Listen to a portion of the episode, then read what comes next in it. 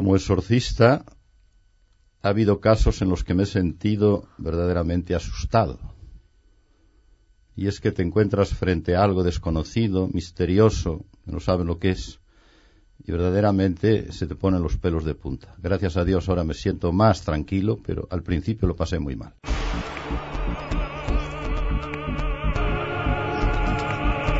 L'Hora de Plutó, amb Núria Ribot.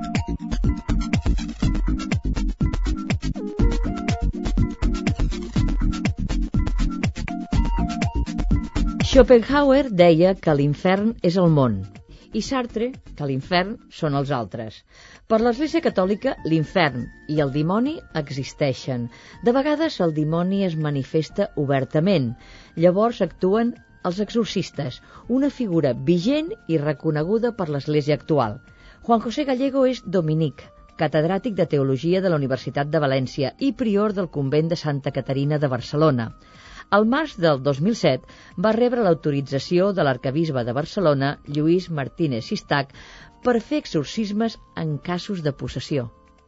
Hola, senyor Gallego, d'on li ve aquest interès pel diable, l'exorcisme o les possessions? Pues mira, eh, yo vine aquí de prior, elegido por la comunidad de Santa Catalina, Virgen y Mártir, y el antiguo predecesor mío, padre Feliciano, era el exorcista de la diócesis, nombrado por señor cardenal. Cuando yo nos fuimos a despedir de él, dice, ¿tú no podrías coger este cargo también? Digo, bueno, pues no lo sé, es un caso un poco difícil, tengo un poco de... Pero bueno, yo he estudiado teóricamente bastante estas cosas, en la práctica no, y dije que sí. ¿Y la práctica cómo la portem? S'ha enfrontat a molta gent posseïda? Pues a mucha gente ha pasado por allí. Yo pienso que en el año y un mes o dos que llevo, más de 60 personas han pasado por el convento de los dominicos, que son de los recibimos.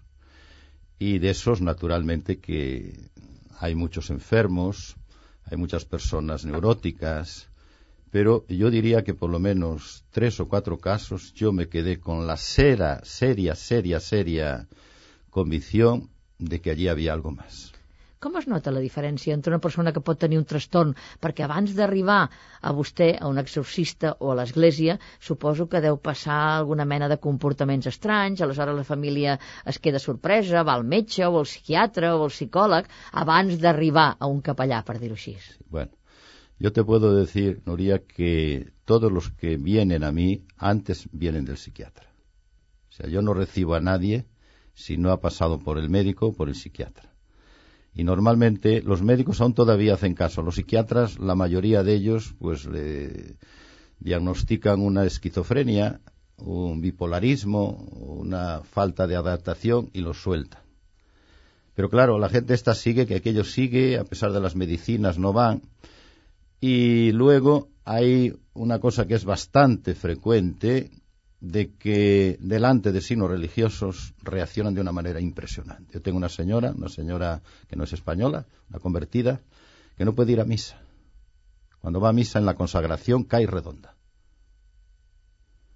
Y otra, pues otra señora, una señora, esta también era extranjera, una de Ecuador, que me llamó su marido y me dice, mire, es que mi señora es una chica joven, tiene 23 años. Dice, delante de cualquier signo religioso pierde el conocimiento y toma unas actitudes violentísimas. Digo, bueno, ven por aquí. Y ese día yo había salido, yo a tal hora, cuando llegué yo, delante de casa estaba tirada en el suelo totalmente inconsciente. La metimos para adentro, empezamos con el exorcismo y aquello fue uno de los momentos más difíciles de mi vida, porque por el suelo arrastrándose como si fuera una serpiente, intentando eh, cogerme la mano, los pantalones a mí allá, y yo hubo, en ese caso tuve un gesto que me impresionó. Le echaba agua bendita y se revolcaba. Y entonces al final le pasó, quedó bastante tranquila y le preguntaba yo, ¿qué te pasaba? ¿Por qué actuabas de esta manera cuando yo estaba echándote agua bendita? Dice, porque me quemaba. ¿Es un caso? ¿Es psicológico? ¿Es subjetivo? No lo sé. Aquestes persones, antigament, abans de que entressin, diguéssim, en aquest procés de possessió, eh, practicaven la religió catòlica? Eren ateus o altres religions? O... Normalmente católicos y también eh, creyentes. En una entrevista que me hicieron hace poco en Cataluña Today, eh, precisamente me decían que si eran creyentes los que iban. Digo, son totalmente creyentes porque van al exorcista en cierto sentido representa una fuerza en nombre de Dios, en nombre de, de, la Iglesia, etcétera, y van por eso, si no no van, si no van a los brujos, porque aquí en Barcelona hay una cantidad de echadores de cartas, de sanadores, etcétera, impresionantes. Pero claro, al final te cobran una buena cosa, o si no, la voluntad, però que una voluntat abundante, si no, no te recibe més veces. Amb aquesta conversa en parlarem ampliament perquè només amb el que he dit obre un munt d'interrogants i per mi un munt, un munt de preguntes i suposo que també per tots els oients. Però la gent només sabem de l'exorcisme pel cinema. I sempre, clar, quan hi ha pel·lícules que tu han fet, i sobretot aquella pel·lícula històrica que s'ha tornat a fer mil vegades en més de 30 anys, que és L'exorcista, jo li demano, reprodueix realment el que aquella persona està passant? El que vam veure amb aquella pel·lícula, des d'aquella nena a l'habitar, etc etc, és real? Passa tot això? Passa. Yo tengo casos que esto acontece. Por ejemplo, eh, hablarte en lenguas extranjeras, no sabes qué lengua es, porque un día que fuimos a, a grabarle, ese día no habló. No sabemos qué es, una lengua, pero es yo conozco, tengo seis o siete lenguas, las hablo. No es ninguna lengua de estas, pero es una lengua que se ve que no son palabras sueltas. Es algo. Y luego también hay otra cosa también, esto de empezar el exorcismo y entrar en trance en el que verdaderamente hay algo, eso te deja, te deja impresionado. Yo el otro día vino esta señora que te digo, una señora no digo de dónde, qué nación es, extranjera, venía con otra amiga suya. Y bien, pues una persona educadísima, una persona muy culta, una convertida. Y bien, pues por los síntomas que ella me dio, digo, ella había tenido algunas cosas, había tenido ciertas influencias o había participado en, en sectas, en cosas raras de estas, sobre todo sectas satánicas. Y entonces, pues empecé yo el exorcismo, porque yo no hago el exorcismo si no tengo ciertos indicios de que se sienten mal, pero al mismo tiempo ha habido un contacto, han tratado con personas que tienen cosas. O sea, yo vea, la certeza no la tienes nunca. Entonces sí, empecé, entró en trance, empezó allí a decir cosas inconsecuentes del todo, pero esto, que yo entonces, menos mal que la señora que ella la cogió y allí, pero yo lo pasé ahí mal. Uh -huh. Vostè ho fa sol amb la persona posseïda? Té algun testimoni? Perquè abans si parlàvem de metges o de psiquiatres, clar, molta gent pot pensar, mm, val, això és el que diu vostè, però la ciència també hauria de rectificar alguna manera. Ha treballat, diguéssim, d'alguna manera al costat d'algun metge sí. que això ho ha pogut certificar? Pues un médico, que es muy amigo mío, es un médico de medicina general, pero un hombre con una experiencia muy grande, le digo, ¿quieres venir a estar en un exorcismo? Un caso que yo sé que se presenta de una manera muy rara. Y me dice, sí, voy. Digo, pero ponte ahí atrás y no intervienes para nada. Simplemente tú examina el caso y después me dice lo que te parece. Y entonces él lo primero que hizo era un chaval de 15 años, vino con él, venían sus padres con él, entonces él habló con sus padres qué pruebas le han hecho, qué certificados tiene, etcétera, o sea, se informó bien. Y después entramos allí inmediatamente. Empezar el exorcismo, entra en trance, eh, él es violento, el muchacho es violento, incluso ese mismo muchacho ese día no, pero otro día a un sacerdote que estaba conmigo le dio dos patadas y lo echó hasta el fondo. ¿eh? Y entonces al final le digo, oyes, Tomás, eh, dime algo de esto. Esto puede ser epilepsia. Dice, esto no es epilepsia. Dice, esto es la primera vez. Dice, yo tengo muchos años de experiencia, nunca había visto una cosa como esta. Nunca. ¿Y la clase médica reconeix o continuen sent reticents? No, hay más médicos que sí. Ya te digo que los médicos normalmente hay médicos que sí que lo reconocen. Ven que hay una cosa extraña, rara. El psiquiatra no. Porque luego además la psiquiatría en España está bastante, por desgracia, bastante retrasada. Tú has estado por Estados Unidos y en Estados Unidos hay psiquiatras que mandan al exorcista. Cuando ellos ven que llega un momento donde eh, aquello no acaba de ir, eh, mandan al exorcista. Vols dir que altres països es treballa el psiquiatre eh, juntament amb un capellà es lo, exorcista? Es lo que tendría que ser aquí. Yo el otro día eh, con un psiquiatra, no, no he logrado entrar en contacto con él todavía, pero voy a intentarlo, de algún caso, sobre todo, yo tengo ahora en este momento dos o tres casos que son muy, muy problemáticos. Otros no, otros vienen, ves que hay personas que están enfermas, otras personas que tienen ideas obsesivas, etcétera. Y, y que no tienen res que veure. Le, le rezas por ellos, porque sí, porque esto siempre va, porque hay luego otra cosa, Nuria, y es que si estas personas están convencidas de que es una cosa religiosa, no se lo va a quitar ni el médico ni el psiquiatra. Aunque fuera un placebo, se lo quitaría el exorcista porque es una idea fija que tienen dentro de ahí y entonces con la fe con que van al exorcista, yo estoy seguro que algún caso que sea de placebo incluso puede el exorcista hacer eso dándose cuenta de que a veces no es, pero, pero para él, yo, los 60 casos que tengo, ninguno de ellos venia dudando de que él estuviera poseído. Per què aquest el mal, aquest trastorn, vostè com a exorcista li posa el nom de diable o dimoni? Per què no pot ser una altra cosa? Per què no pot ser una malaltia que no dominen ni els psiquiatres, ni els metges, ni vostè com a exorcista? Clar, li han posat aquest nom i hem de creure que és el dimoni. Per què hem de creure que és el dimoni? Bueno, mira una cosa. Eh, yo te diría que yo, en una entrevista que me hicieron en la Cataluña Cristiana no hace mucho, yo decía que al 100% convencido de que es el demonio, yo no lo estoy de ningún caso. Yo estoy convencido teóricamente de que el demonio actúa y puede actuar. Y de hecho viene actuando. Hay dos, cuatro mil años antes de Cristo, ya los, en Mesopotamia, ya hay exorcistas. Lo tienen también los judíos, lo tienen también los musulmanes. Es decir, es una cosa que en la iglesia ha habido eh, esto. El demonio nosotros lo sabemos por fe, que el demonio existe. ¿eh? Pero luego hay estos síntomas donde ves ahí que eh, la persona que viene, viene a ti porque ya ha recorrido todos los caminos. Y yo no digo que todos se liberen, pero algún caso, yo tengo algún caso que sí que se ha liberado. Porque no hay dos casos parecidos en esto. No hay dos casos. Eso que te digo del agua bendita, hay personas que reaccionan. Ese caso de esta muchacha decía que le quemaba. Otros no. Ahí yo tengo el caso de un compañero, no es exorcista él, pero ha hecho la prueba, echar agua bendita y no agua bendita sin saber que lo es, y cuando hay agua bendita reacciona, y cuando no, no reacciona. O sea, Si ja fan com els metges, li posen placebo a veure quina és la reacció. ¿te das cuenta? Y entonces, yo lo que te puedo decir es, yo la certeza total, a lo mejor se descubre algún día que esto es una enfermedad que no se desconocía, yo no lo, no lo rechazo, ¿sabes lo que te quiero decir? Ahora, para mí como creyente, yo estoy convencido de que el mal existe, porque no, eh, normalmente no es solamente la posesión, que es lo extremo, porque luego hay, hay luego influencias demoníacas, hay lugares infestados, hay cosas raras. D'això en parlarem, perquè estàvem Cosas raras, raras. Coses Y entonces ahí, ya te digo, yo lo que no puedo hacer como hacen algún exorcista es ya de, de con certeza. Yo la certeza absoluta no la tengo, Nuria. No la tengo, pero yo lo que sí que veo es desde mi fe, además, sabes que el catecismo de la Iglesia Católica precisamente está defendiendo, y Pablo VI, ¿eh? cuando habla de esto, es fuertísimo. Y no digamos Juan Pablo II, que sabes que él también realizó exorcismos. Doncs bé, ha obert un munt d'interrogants, però abans eh, fem una pausa perquè volem escoltar eh, qui és aquest convidat que, amb el qual avui estem parlant i compartirem aquesta hora a l'hora de Plató, parlant d'exorcismes, una qüestió que aixeca un munt d'interrogants. I ens ho explica l'Anna Ayala.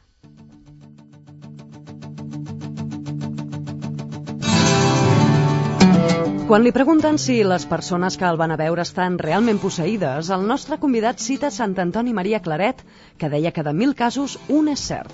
Juan José Gallego diu que mai no es pot tenir una certesa absoluta, però que la feina d'un exorcista és confortar, il·luminar per desfer pors o conductes errades i acostar les persones a Déu i a la vida de la fe i dels sagraments. I pel que es veu, pel que fa als exorcismes, de feina no li'n falta. El nostre convidat va néixer el 1940 a Lleó i es va ordenar capellà el 1965. Sempre va tenir clar que volia ser religiós des que era nen. És possible que l'influís el fet que el seu germà gran també era dominic. Entre altres càrrecs dins de l'ordre, Juan José Gallego ha estat escollit conseller general de l'ordre dominica a Roma, superior provincial de Portugal i Angola, provincial d'Aragó i rector del Col·legi de Sant Vicent Ferrer a València. Alguns dels seus càrrecs li han permès conèixer molts països arreu del món. Recorda especialment Mèxic, que va recórrer de punta a punta, i Angola, que llavors vivia una guerra civil. El nostre convidat diu que sovint va passar gana i por, però que allà va viure algun dels moments més bonics i alhora més dolorosos de la seva vida.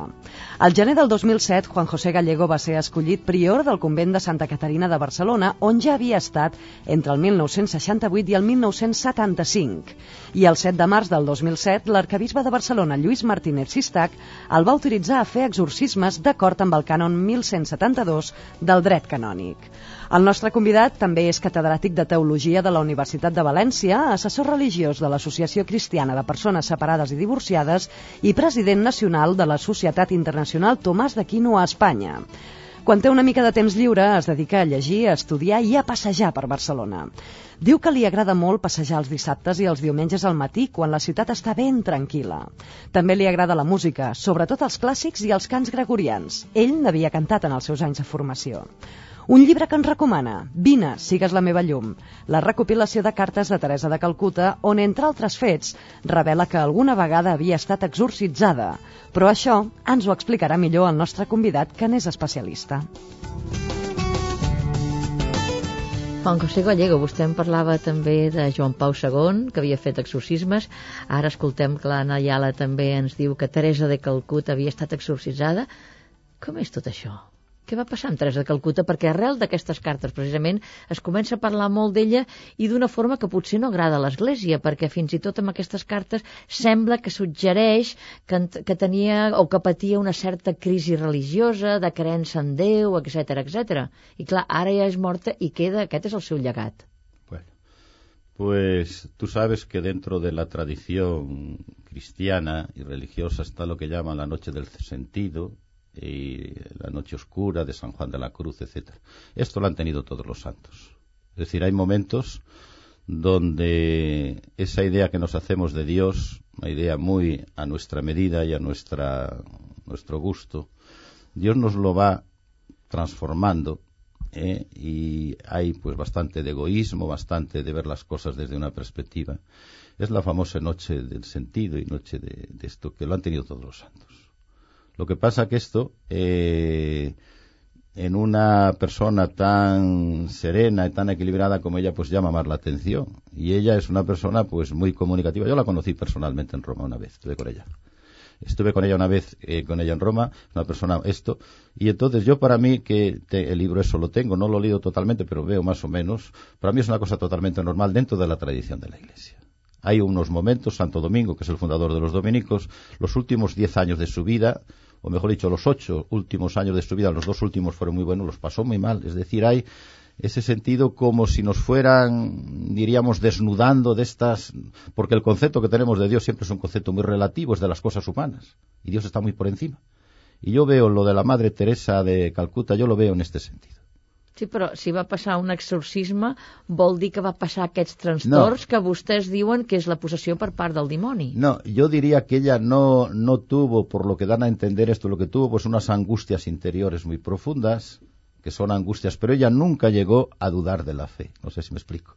Hay, cuando uno tiene mm, momentos difíciles, hay algo que siguen haciendo la cosa, porque ella no dejó nunca de hacer lo que estaba haciendo. No, això és veritat, però molta gent que fa el que està fent la seva feina, com el pare Vicenç Ferrer, en canvi sí que han abandonat l'església oficial, per bueno, exemple. Sí. I ella sembla que podia ser això. Ella tenia molt clar el seu treball amb els més desvalits, els més pobres, etc etc, però en canvi va entrar en crisi respecte a la, a la creença en Déu, sembla. Sí, però esa creença en Déu no la retiró nunca de, de, de lo que estaba haciendo cosa que sí pasó. Lo de Vicente Ferrer es otra cuestión, es otro problema, porque yo ya no sé, allá hay unas leyes eclesiásticas, yo no dudo de él ni mucho menos de su religiosidad, hay unas leyes eclesiásticas que por lo que sea él no se sentía con, y luego un compromiso religioso como jesuita, yo veo dos cosas muy distintas. Uh -huh. Bueno, anem a parlar d'exorcismes. De, a vostè el va autoritzar l'arcabisbe de Barcelona. Com funciona això? Perquè vostè mateix ho ha explicat, no? Em va demanar, vol ser tu el substitut? És una cosa així tan senzilla? Vol dir que cada diòcesi n'ha de tenir un? M'estranya, perquè, entre altres coses, quan preparàvem aquest programa llegia que a Espanya n'hi havia molt pocs, potser menys de 10, sobte, i en canvi al Vaticà i a Roma sembla que n'hi ha una en cada diòcesi. Què vol dir? Que allà el, el perill del dimoni estan a prop del Vaticà n'hi ha més i aquí a Espanya no n'hi ha? Per què tot això? Bueno, yo diría que, en primer lugar, no está obligado el que haya un exorcista en todas las diócesis. El cano de derecho canónico, el que tú citabais antes, precisamente dice que si hay casos, que se nombre un exorcista para que analice tal. Y entonces, normalmente los obispos, yo tengo que darle las gracias infinitas al cardenal de Barcelona, porque normalmente te dan para un caso concreto. Pero usted ha pedir... ha obert com un despatx, pràcticament. Sí, sí. La gent pica la seva porta. Eso mismo. Yo allí lo que tengo es tengo, el, lo tengo allí en, la, en el despacho donde recibo a los que vienen, tengo allí la, el nombramiento que está en catalán, me dice, te autorizo para que según tu criterio puedas administrar el exorcismo siempre que tú lo consideres oportuno o necesario. Sea que no tengo yo, en cambio en otros sitios te dan para cada caso, luego tienes que presentarle el caso al obispo, el obispo te autoriza o no te autoriza a hacer el exorcismo. A mí me ha dado autoridad total y absoluta. Puedo hacer todos los exorcismos que quiera durante tres años. Uh -huh. I en tres anys vol dir que els renoven el contracte? Bueno, renoven o, o, o no me llamen. O no renoven, depèn del que passi. Que passi. Quines qualitats ha de tenir una persona com vostè per fer això, per fer un exorcisme? Bueno, pues mira, en primer lugar, tener la confianza del señor obispo. El obispo, claro, es un cargo. Ayer mismo que estuvimos con él, fuimos a hacer una visita de protocolo por otros asuntos. Él me decía, es que para mí, y en la carta que me escribió cuando le mandé yo un informe, dice, es que yo le tengo en usted pues total confianza. O sea que me fío de usted, porque claro, ayer me decía, digo, voy a una entrevista y dice, ten cuidado lo que dices.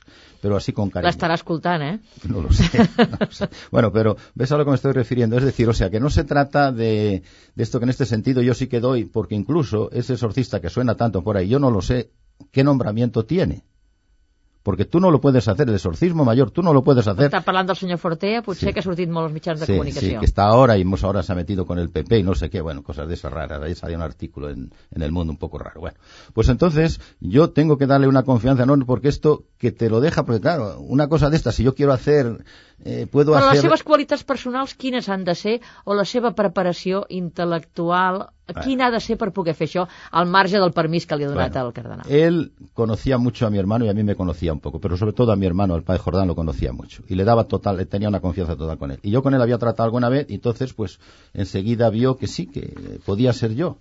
Y entonces, eh, primero las cualidades dice que tiene que ser un sacerdote. Prudente. Eh, preparado teológicamente. Y de conducta intachable. Son las palabras que pone el cano los cuatro o cinco cosas de esas. Bueno, yo me siento muy honrado porque, no sé, el señor cardenal esto. Lo que pasa en España que hay pocos exorcistas porque a veces los obispos, el, como si esto del exorcismo fuera de, de gente conservadora, de gente que, no sé, en Valencia mismo, cuando eh, ahora yo pasé por allí, un periodista indagó, tampoco hay exorcista en Valencia. Eh, y yo sí que había una revista en Valencia, lo que yo publicaba alguna vez, que es la revista Parábola, es una revista como aquí la Cataluña Cristiana. Sí, en cuanto se enteraron que yo me habían hecho exorcista a Barcelona, enseguida lo lanzaron, porque les interesaba a ellos. I com és que n'hi ha tants a Roma o al Vaticà? Això és el que estranya. Dius que tenen el papa al costat i que hi hagi tantes... Vol dir que hi ha possessions, no? Sobta una mica. Mira, hay muchísima gente que sufre y que no se atreve a... está sufriendo y no se atreve a acudir al exorcista porque no, no, existe el exorcista. Yo estoy recibiendo llamadas de Valladolid a raíz de un programa que hicimos y de varios sitios, porque habían ido al obispo, el obispo le manda a uno, esto no es una cosa de un día ni de dos, porque a veces son años que tienes que estar atendiendo a las personas. ¿eh? Y a veces pues no consigues lo que buscas. Pero por lo menos lo que yo dije yo se trata de personas que sufren, personas que están terriblemente angustiadas, y el poder encontrar con alguien que intenta escucharles, que intenta comprenderles, para mí es lo más grande que tiene el exorcista. Senyor Gallego, m'ho explicarà això com ho fa. Realment m'agradaria visualitzar com ho fa, però abans escoltem una mica de música. Vostè ha escollit bàsicament tot música clàssica. Li agrada la música clàssica. Escoltem a Beethoven? D'acord.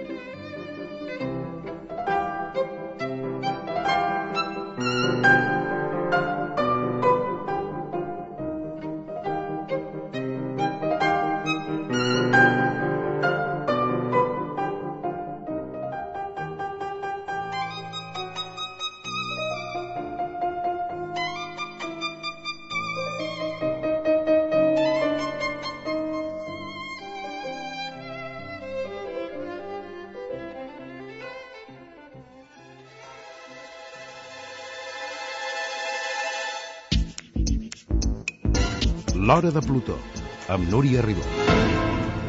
I continuem la nostra conversa apassionant amb Juan José Gallego, que és catedràtic de Teologia de la Universitat de València i prior del convent de Santa Caterina i exorcista. I estem parlant precisament d'això. Senyor Gallego, Quin és el procés d'un exorcisme? Vostè m'ha dit que li arriba molta gent, molta gent eh, ve amb coses rares, trastorns que finalment vostè veu que no, no està posseïda, segons diu, pel dimoni, i va descartant. Però en canvi sí que ha arribat a uns punts que dius, aquest sí que us sembla. Quin és el procés? Com es materialitza l'exorcisme? Què fa?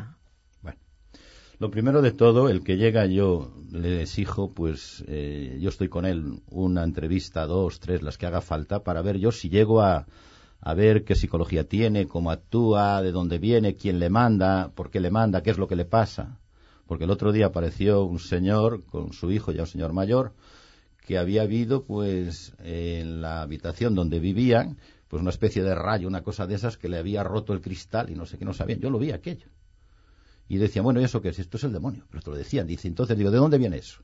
Dice, pues hemos tenido a una señora que tiene poderes, no sé lo que es, y desde que aquella ella me juró a mí que a mí me iba bien muy mal, y desde aquel momento yo perdí un negocio, yo estoy aquí, lo estoy pasando y estoy teniendo una serie de cosas, que es lo que se llama la, la infestación de lugares. Y de eso también hay personas que le piden que tienen poderes. Esto es, es un hecho, yo lo he comprobado en algún caso, de que hay personas que tienen poder de hacer daño a los otros.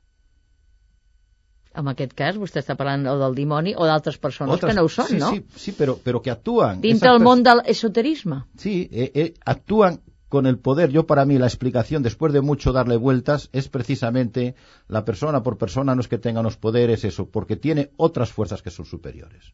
Y ahí pueden ser fuerzas superiores del bien y del mal. Uh I un cop comprovat que vostè creu que va per aquí la cosa, què actua? Què fa? Perquè vostè diu pregar, resar, només això? No, Parlar mira. davant d'aquella persona? Hacemos lo siguiente. Nosotros tenemos unos, unas, unas diríamos, un, un ritual que está aprobado por la Santa Sede y por la Conferencia Episcopal Española. Yo lo tengo allí. Yo lo actúo siempre con el, con el ritual. En què consisteix? Y el ritual consiste, primero, hay que pedirle a Dios que te proteja a ti, que esto, primero de todo. Después eh, hay que bendecir el agua, bendecirla especialmente, eh, también se mezcla con sal, la cosa aquella, bien. Y luego, eh, después de esto se hace la letanía de los santos, pidiendo a los santos que intervengan, que le ayuden. Después de la letanía de los santos hay un salmo y después hay un evangelio que lo lees. Y después del Evangelio viene algo que es sumamente importante y es las promesas del bautismo hay que renovarlas. Si no las renueva, yo no sigo el exorcismo. Es decir, renuncias a Satanás, renuncio. A todas sus obras, a todas sus pompas, etcétera, eso que nos hacen el día de Pascua. Y después, ¿crees en Dios? Sí. ¿Crees en Jesucristo? ¿Crees tal? Y entonces, si él, eh, el decimos pues eso, que sea, no lo hace, yo ya no sigo. Tuve el caso con un muchacho donde él digo, ¿crees en Jesucristo? No, Jesucristo no existe, el demonio es el que existe, el demonio es el que tiene fuerza, tal. Digo, bueno, pues aquí paramos. Y llegó un momento donde digo a sus padres, mira, llevarlo a casa y venir otro día, porque si esto no es, no se puede hacer lo siguiente, porque es algo que tiene que ser que salga de ellos. Però vostè l'està intentant convèncer al mateix temps que cregui en Déu, o sigui, fa proselitisme, per dir-ho així, perquè si una persona està malalta o posseïda, tant se val que pugui creure o no en Déu. El que es tracta és d'ajudar-lo, no? Fíjate en lo siguiente, el que viene, viene porque él quiere librarse. Hay muchísima gente que anda por ahí suelta, que no quiere librarse, se siente a gusto. Uh -huh. Por eso, San Antonio María Claret, que lo citasteis antes, es significativo, dice, me traían sus familiares algunos para que los exorcizase. No para que ellos venían a pedir que los... No, no, sus familiares tal. Y normalmente una de las razones fundamentales, Nuria, que es, es cuando uno no te lo pide él, quiere decir que no son los familiares que les estorban porque son unos enfermos, porque son lo que sea, y entonces quieren a ver si el exorcista le cura aquello. No. En cambio, el que viene yo, todos los casos que tengo es el que tiene que salir. Y fíjate que San Antonio María Claret tiene, cuando iban allá, porque es interesantísimo, en la autobiografía habla de él y dice que eh, primero se dedicó a exorcizar y vio que aquello no se conseguía nada y tal, y entonces lo dejó y se dedicaba a confesar después de, las, de que él había hecho las predicaciones. Y entonces dice, le ponía tres cosas, le- les exigía tres cosas a ellos. Primero, que dejaran de beber, que cumplieran bien con sus deberes y que rezaran siete veces eh, una oración en honor de la Santa. Y algunos venían después a darme las gracias porque se habían curado. Uh -huh. Però vostè, després de, de demanar-los i fer-los aquestes preguntes inicials, que si finalment li diuen que sí, que creuen en Déu, què continua aquí? Perquè el que deia, que veiem les pel·lícules és aquestes reaccions estranyes, aquests canvis de veus, sí. aquests idiomes que no entenem. Serà, serà. Això és en pel·lícula, però serà. jo li demano si això la realitat és, és així. Hay casos, yo he tenido casos. He tenido casos de gente que hablaba en lenguas que no sabía qué lenguas eran, eh, gente que blasfemaba y hacía aquello, todo lo que te puedes imaginar. Es el demonio, que además fíjate que es la voz de ellos, pero es otra cosa distinta, porque la posesión, cuando es posesión, es que el, el, el enfermo no, no domina su cuerpo, es alguien dentro de él que le está le está controlando, que ahí es donde dicen los psiquiatras que es el cerebro que actúa y tal y cual. No, puede, puede ser el cerebro. Puede I això és una sessió que dura hores?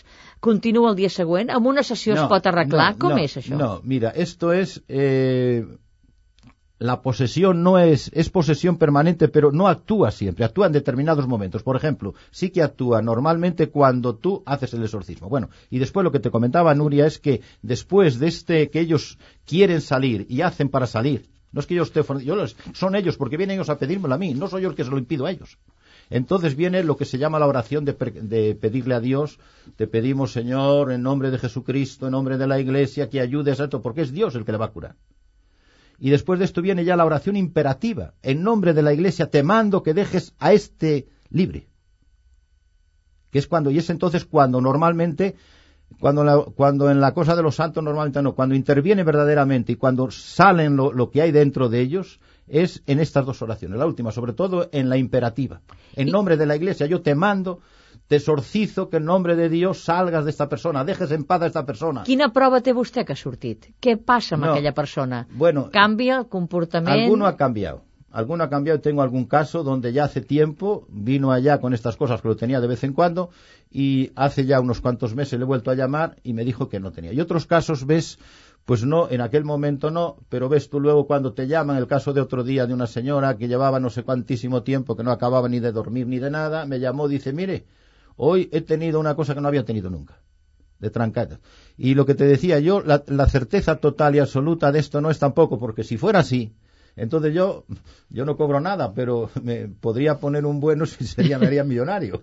Es aquello de Simón, cuando le pide a los apóstoles que le vendan el poder de hacer milagros. Y claro, que es la simonía famosa. Uh -huh. Vostè està parlant molt de senyores que l'han vingut a visitar. I- i de Es dona més entre les dones más, que entre els homes? Hay más donas. O por lo menos aparecen más donas por allí. Yo no sé si hay más o menos. De los que van por mi casa, hay más mujeres que hombres. No Pero hay también hombres, ¿eh? Bastantes. No hi ha poder de suggestió més fàcil amb les dones? Puede ser, hay más religiosidad en las mujeres en principio que en los hombres. Y es posible que se dé este caso. Yo, estadísticas completas no te las podría, eh, diríamos, responder, pero hay, pero yo he tenido pues de todo. He tenido médicos que han pasado por allí.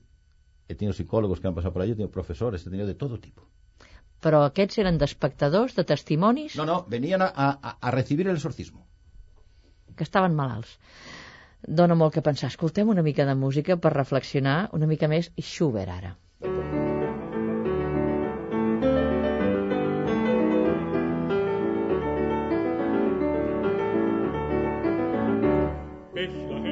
ein Rauschen sein, Räder steht er Brause hinein, ein Lied unterm Feindvögel ein, groß und klein, Ende deiner Melodie, Ende deiner Melodie. Durch die Hain, aus und ein, schalle heut ein Gleinerlein, durch die Hain, aus und ein, schalle heut ein Gleinerlein, die geliebte Melodie ist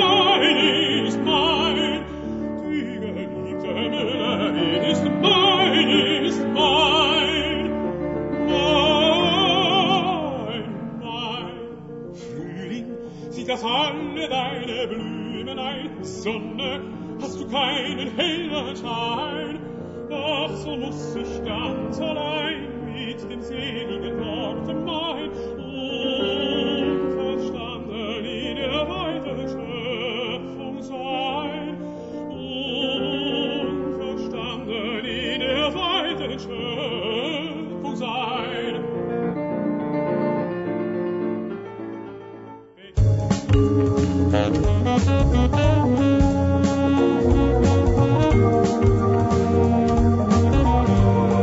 L'Hora de Plutó.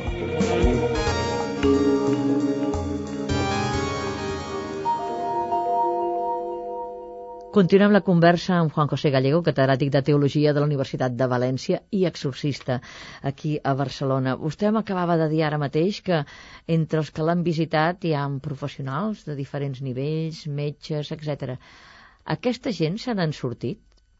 Vull dir, vostè pot parlar d'èxits de gent que se n'han sortit, perquè a vegades una persona que és fàcilment sugest, eh, sugestionable eh, potser és molt més fàcil, no?, pel que deia, però persones que amb un altre tipus de formació potser són més resistents a tot això i també s'ho miren, tot i que es volen curar, s'ho miren d'una altra manera perquè no veuen la ciència per entremig o el medicament per entremig, per dir-ho així. Bueno, En cuanto a curaciones, eh, yo te diría que más que curaciones, yo lo que le pido a Dios que le cure. O sea, que es una oración de intercesión en nombre de la Iglesia. De estos casos de personas cultas, algunas yo sí que he tenido. Porque también es muy relativo, la curación es muy relativa, tampoco quiere decir que en ese momento se le dé la curación. ¿eh? Pero yo sí que diría que ha habido algún caso. Ahora, yo en esto vuelvo a repetir lo que te dije. Yo no tengo nunca, puede ser incluso una cosa de sugestión, puede ser en algún caso. Y yo estoy seguro que algún caso es así.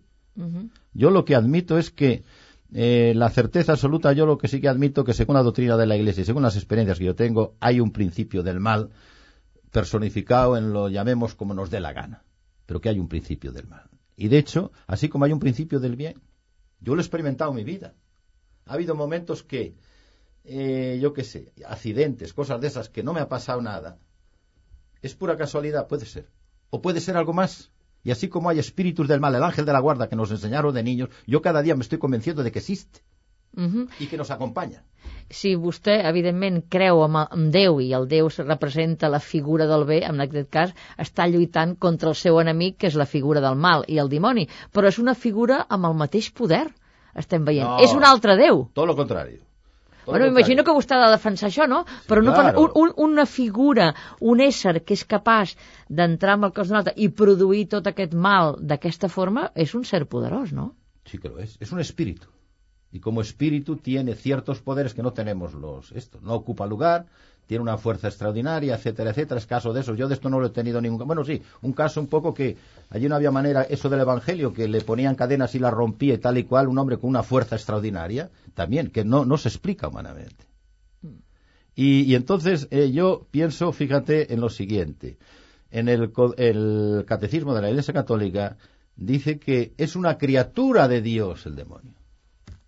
Criatura de Dios. Que se le van de las manos. Se la ha ido, bueno, sí, porque lo más grande que tenemos los seres, los seres humanos es la libertad. Y Dios no quiere a nadie a la fuerza con él. Y ahí para mí está el gran misterio de la libertad humana. Que Dios es el primero que la respeta. La libertad nuestra le podemos decir darle la espalda a Dios conscientemente. I l'infern no és altra cosa que això, que haver dado l'espalda a Dios. Una altra vegada és, és la pregunta que sempre fem. Si la imatge de Déu, si vostè que creu amb aquesta, amb aquesta imatge del bé, per què permet que es faci el mal d'aquesta forma? Este és el gran misteri. Aquesta és la pregunta que sempre fem sempre. la gent que potser estem molt més al marge sí, que ho veiem des de fora, ¿no? Tens ¿Per tot, qué? Tens raó. ¿Per Pero qué? fíjate una cosa, normalmente en unos muchísimos casos es gente que lo ha buscado ella participando en sectas satánicas, eh, espiritismos, etcétera, lo ha buscado ella. Hay otros casos, por ejemplo, hay casos de santos que están endemoniados, que es una prueba que no lo entendemos nunca, es un misterio. Pero fíjate que además el demonio, a pesar de todo, no puede nunca obligarnos a nosotros a hacer ciertas cosas. Nos puede mover, nos puede incitar, nos puede provocar, nos puede tentar, pero no nos puede nunca, ¿eh? a mí no me puede obligar a mí a hacer un acto libre nunca.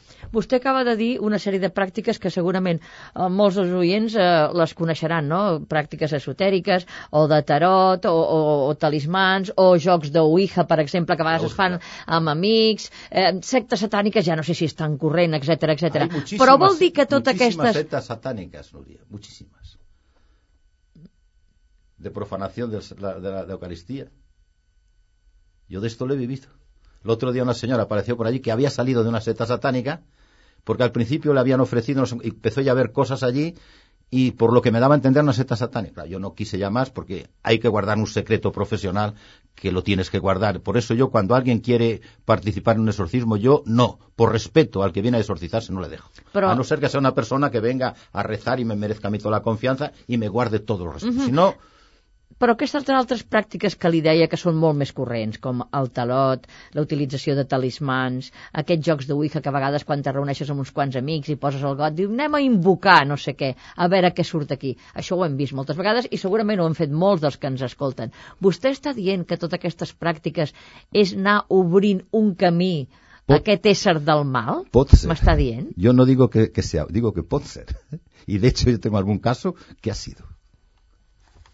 Fíjate que ahí interviene todo, luego también ahí viene ahí la cosa, ya te digo, la tradición que existe es una tradición que viene ya desde los mesopotamios. ¿Eh? Tú sabes, el Pluto es el, el dios de, de los griegos, ¿entiendes? El dios del Hades. Bien, pues ya, ya cuatro mil años antes de Cristo ya hay exorcistas, es decir, hay ese espíritu del mal que luego va un poco unido a la enfermedad, que eso hay que quitarlo, ¿entiendes? No, la enfermedad no es que haya un espíritu que te está haciendo esto, pero que el espíritu que te está haciendo esto te puede hacer daño y que te hace daño, pues sí, pero en lo que te decía antes del catecismo, es una criatura de Dios y Dios está por encima de él. Y ahí es donde viene, y por eso invocamos a Dios para que nos ayude. Bueno, vostè diu que està per sobre, però imagino que si, hem de, si algú creu en aquest ésser del mal i l'ésser del bé, també pensa que aquell és poderós, el del mal. Eh? Lo primero que te dicen cuando És, és un altre Déu que sembla que està... Això és la, la Sí, és- imatge, és- no? és- que està és- en competència i en lluita amb el Déu que vostè lo- creu que és el Déu del bé. Lo que pasa que para la doctrina de la Iglesia, yo lo que yo creo y lo que esto es, es una criatura de Dios y por tanto, aunque esté en contra de Dios, es una criatura, no está por encima de Dios. Y por eso viene, por ejemplo, es el caso de eso, ¿por qué acudimos? El exorcista no es el que él tenga poderes mágicos, no. Él es el que en nombre de la Iglesia y en la fe de la Iglesia le pide a Dios que libere a aquella persona. Nada más. No soy yo, es, es, es a Dios. Aquí es una oración impetratoria y diríamos imperativa que le haces en nombre de, de la Iglesia. Claro, esto si no es dentro de la, de la fe y de la iglesia no tiene sentido. ¿Sabes lo que te quiero decir? Pues todos dirán que eres un brujo, que tal y cual. El otro, ayer me llamó un señor, que a ver si lo recibo. Sí, pero ¿qué es? Dice, es que tengo el vudú, esos que le pinchan a, bueno, tal. Dice, y me curó hace unos años una señora, digo, pues vuelve otra vez que te cure. Dice, no es que me cobra 200 euros. Digo, pues yo qué culpa tengo. Vete. ¿Te das cuenta lo que Porque luego, y otro me dice, es que si no me cura esto tengo que ir con él a, a- a Cuba. Pues, pues yo qué quieres que te diga, porque allí solamente me van a librar en Cuba. Y yo lo que no le doy a nadie, le digo, mira, yo voy a pedir a Dios, pero no te imagines que yo ya te voy a curar. Yo, tú si no colaboras y esto, no vamos a hacer nada. Eres tú la que, que tienes que. Una Conmigo. qüestió, si vostè sempre diu que els exorcismes d'alguna forma sempre han existit al llarg de la història, Sí, sí. eh, Jesucrist els va arribar a practicar? Claro. A Y ya- y ya, los tres o cuatro. Y, y libró, además, hay un caso de los apóstoles que quieren eh, eso y no son capaces. Y tiene que ir Jesucristo a echarle el demonio. Hay casos. Claro que los hay en el Evangelio. Si tant han estudiat això, també pot definir qui és el dimoni? Com és el dimoni? La Mira, dimensió del dimoni? Yo tengo aquí un estudio que me hizo un compañero mío, pero no te lo voy a leer naturalmente. eh, pero Però perquè te- el temps se'ns acaba. Por eso te digo, dice, eh, para abreviar, llamaremos diablo a la esencia del mal, capaz de personificarse y de manifestarse, pero para saber cuál es esa esencia, su materia, ya que puede adoptar formas múltiples, vamos a analizarla desde varios ángulos. Tentaciones a Jesús, tentaciones de la serpiente, lo del Antiguo Testamento, lo del Génesis, si Dios es amor, el diablo se define a sí mismo según la tradición, Ahí tú citaste antes una frase de Schopenhauer, todo para mí, nada para los otros, llevada a su culminación la humillación del débil, del vencido, del otro. És molt poderosa, eh? Y la, el hecho, fíjate, la tentación de los primeros padres. ¿Qué es lo que le pide, les dice la serpiente? Seréis como dioses, conocedores del bien y del mal. La soberbia. Bueno, i aquelles que sempre diem ets capaç de vendre l'alma al diable per Claro, aconseguir pues qualsevol cosa? Ahí viene, ahí viene. Mira, hay una Abans cosa- de que vingui, escoltem una mica de música, Sí. eh? una mica més de música.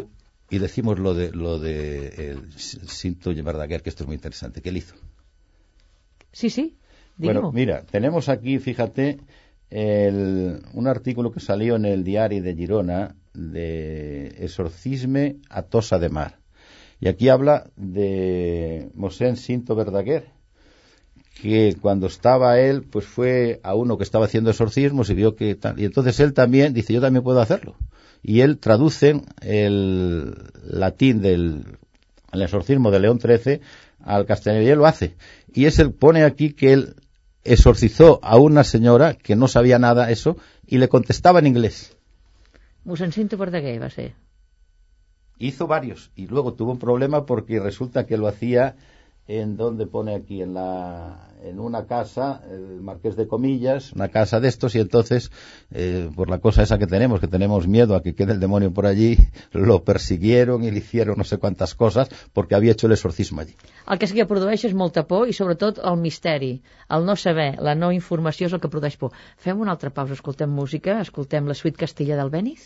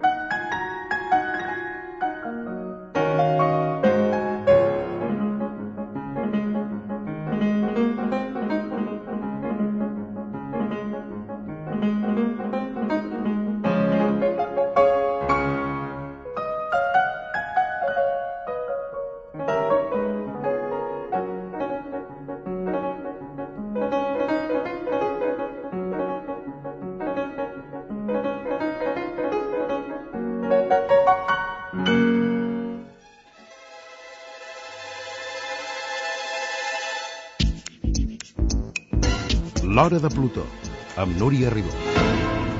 I arribem ja als últims minuts de la conversa amb Juan José Gallego, catedràtic de Teologia de la Universitat eh, de València i exorcista. La veritat que queden moltes preguntes. Jo li demanaria el més breu possible per veure si podem aclarir un munt de coses. Vostè ha definir fa un moment el dimoni. Jo li demano, i Déu? Qui és Déu? Aquesta pregunta tan tòpica i típica.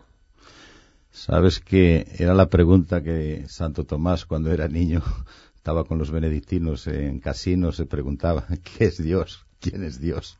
I encara És el amb l'interrogant? estaba eh, es el misterio lo es todo es y pero eh, Dios se nos queda muy lejos hay que ir a Jesucristo que es Dios Dios y hombre y ahí creo que es donde hay que ir él, y él fíjate es el hombre misericordioso el hombre que realiza exorcismos eh, que practica el bien etcétera etcétera y que no es envidioso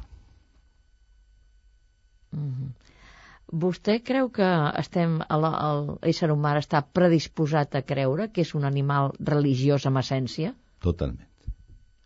Totalmente. Y de hecho, eh, fíjate que yo hace unos años escribí un artículo de, llamaba Los sucedáneos de la religión. El dinero, el sexo, la, la droga, el poder, etcétera, etcétera. Claro que es. Lo que pasa es que eh, yo diría que es como cuando cortas un árbol porque te estorba, eh, pero quedan las raíces y van saliendo los retoños. Home, evidentment vostè s'emporta l'aigua al seu molí, però Claro. expliqui'm com, com, Claro. com entén el fanatisme religiós. Ara no vull posar cap religió en concret, però segurament molta gent en pensarà. Com s'explica? Perquè evidentment Pues amb mira, la catòlica sí, també n'hi Tienes ha. toda la razón, pero, pero para mí de todo yo, lo que te comentaba antes, si Dios respeta la libertad, yo soy el primero que respeto la libertad de los demás. Y además, eso, una persona que obliga a los demás a ser religiosa, esa persona no es religiosa.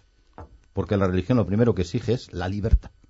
Si una no es libre, no sirve absolutamente para nada, porque Dios no nos quiere. Ya te decía yo que Dios no quiere a nadie con él si no es libremente que quiere estar con él. Y yo para mí, el, todos estos cosas de obligar y tal y cual, yo para mí no tiene sentido ninguno. Yo estoy enseñando, enseño en Valencia Santo Tomás, y precisamente Santo Tomás para mí es el gran hombre cuando dice que incluso, voy a decir una cosa, que si yo estuviera convencido de que Jesucristo no era Dios y le estuviera adorando como Dios, estaría faltando gravemente. Tú lo dice Santo Tomás del siglo XIII. Uh -huh. Vostè sempre cita, bueno, i tothom, tothom només cita sempre homes dintre de l'Església. Pràcticament només hem parlat de Teresa de Calcuta. És curiós, jo penso que la, la dona, i molts ho pensem, no?, que continua sent la gran assignatura pendent de moltes Totalmente creences de- religioses. acuerdo. Eh, absolutament la catòlica, perquè vostè, de acuerdo. com a, com a capellà, exorcista, etc etc, el cardenal, Barcelona, etc, no estem parlant mai de dones. Teresa de Calcuta ha passat així, no? Pues sí, tienes toda la razón. Pero yo pienso que yo soy, ves que habéis dicho que yo soy el presidente de la CITA. La CITA es la Sociedad Internacional Tomás de Aquino, que se fundó en Roma y está por todo el mundo, y en España soy yo el encargado. Yo para mí la grandeza de Santo Tomás es que, diríamos, exaltó la naturaleza humana y la razón humana hasta los límites. Y no separó la revelación de la, de la razón. Las pone juntas. Y si hay enfrentamiento, ¿eh? hay que alguna de las dos está equivocada. No la revelación, sino la fe. Y entonces ahí va, y creo que esto es el gran contributo que Santo Tomás dio y que hoy día a veces lo están arrinconando a Santo Tomás es precisamente que es un poco lo que el Papa quiso cuando habló de aquella conferencia de Ratisbona, etcétera, etcétera, recuperar o por lo menos poner en primer plano el sentido de la razón. Somos racionales y es lo primero de todo. Som racionals, però la dona, insisteixo, està al marge d'aquesta Sí, església. tiene razón. Bueno, pero yo creo que se están haciendo bastantes cosas, Nuria. Sí. Y yo, y yo te digo Però sinceramente. portem molts segles. Sí, ya lo sé, pero en esto eh, a veces habéis sido vosotras mismas las mujeres las que no os habéis defendido. Y eso hay que decirlo claramente, ¿entiendes? Què vol dir? I- Bueno, ara no m'ho digui amb els últims 30 segons perquè ja no hi ha temps de, de rebatre'l, que, que aquesta és una gran Pero- conversa. Sí, lo sé. Pero yo te digo que en este sentido yo tengo una gran, porque además fíjate, la, a quién ah, respetamos más en nuestra vida, a nuestras madres. Eso no hay que olvidarlo nunca. Yo tengo un grandísimo respeto por mi madre. No sabía mucho, pero tenía un sentido común y una serie de cosas que yo siempre lo estoy recordando y estoy teniendo un grandísimo cariño por ella, porque lo que tengo ahora se lo debo fundamentalmente a ella. Ho deixem aquí, del respecte a la presència i a l'estar també és una altra cosa, però això segurament és per una altra conversa. Moltíssimes gràcies, Juan. José Gallego. Ha estat un a plaer aquesta conversa amb el catedràtic de Teologia de la Universitat de València, prior del convent de Santa Caterina, aquí a Barcelona, i exorcista. Estic segura que en aquests moments molts dels nostres oients estaran allò cavilant quines coses que ha dit. Això serà veritat, això continua sent una pel·lícula. Doncs bé, queda aquí. Ens ha dit unes quantes coses i és qüestió d'anar pensant. I acabem amb una mica de música, amb els cants gregorians dels monjos de Silos. Molt bé.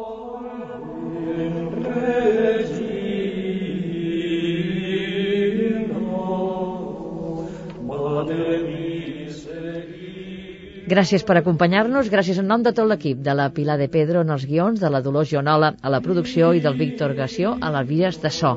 Qualsevol comentari o suggerència tenim un correu electrònic plutó arroba catradio.cat Es ves nuestras que.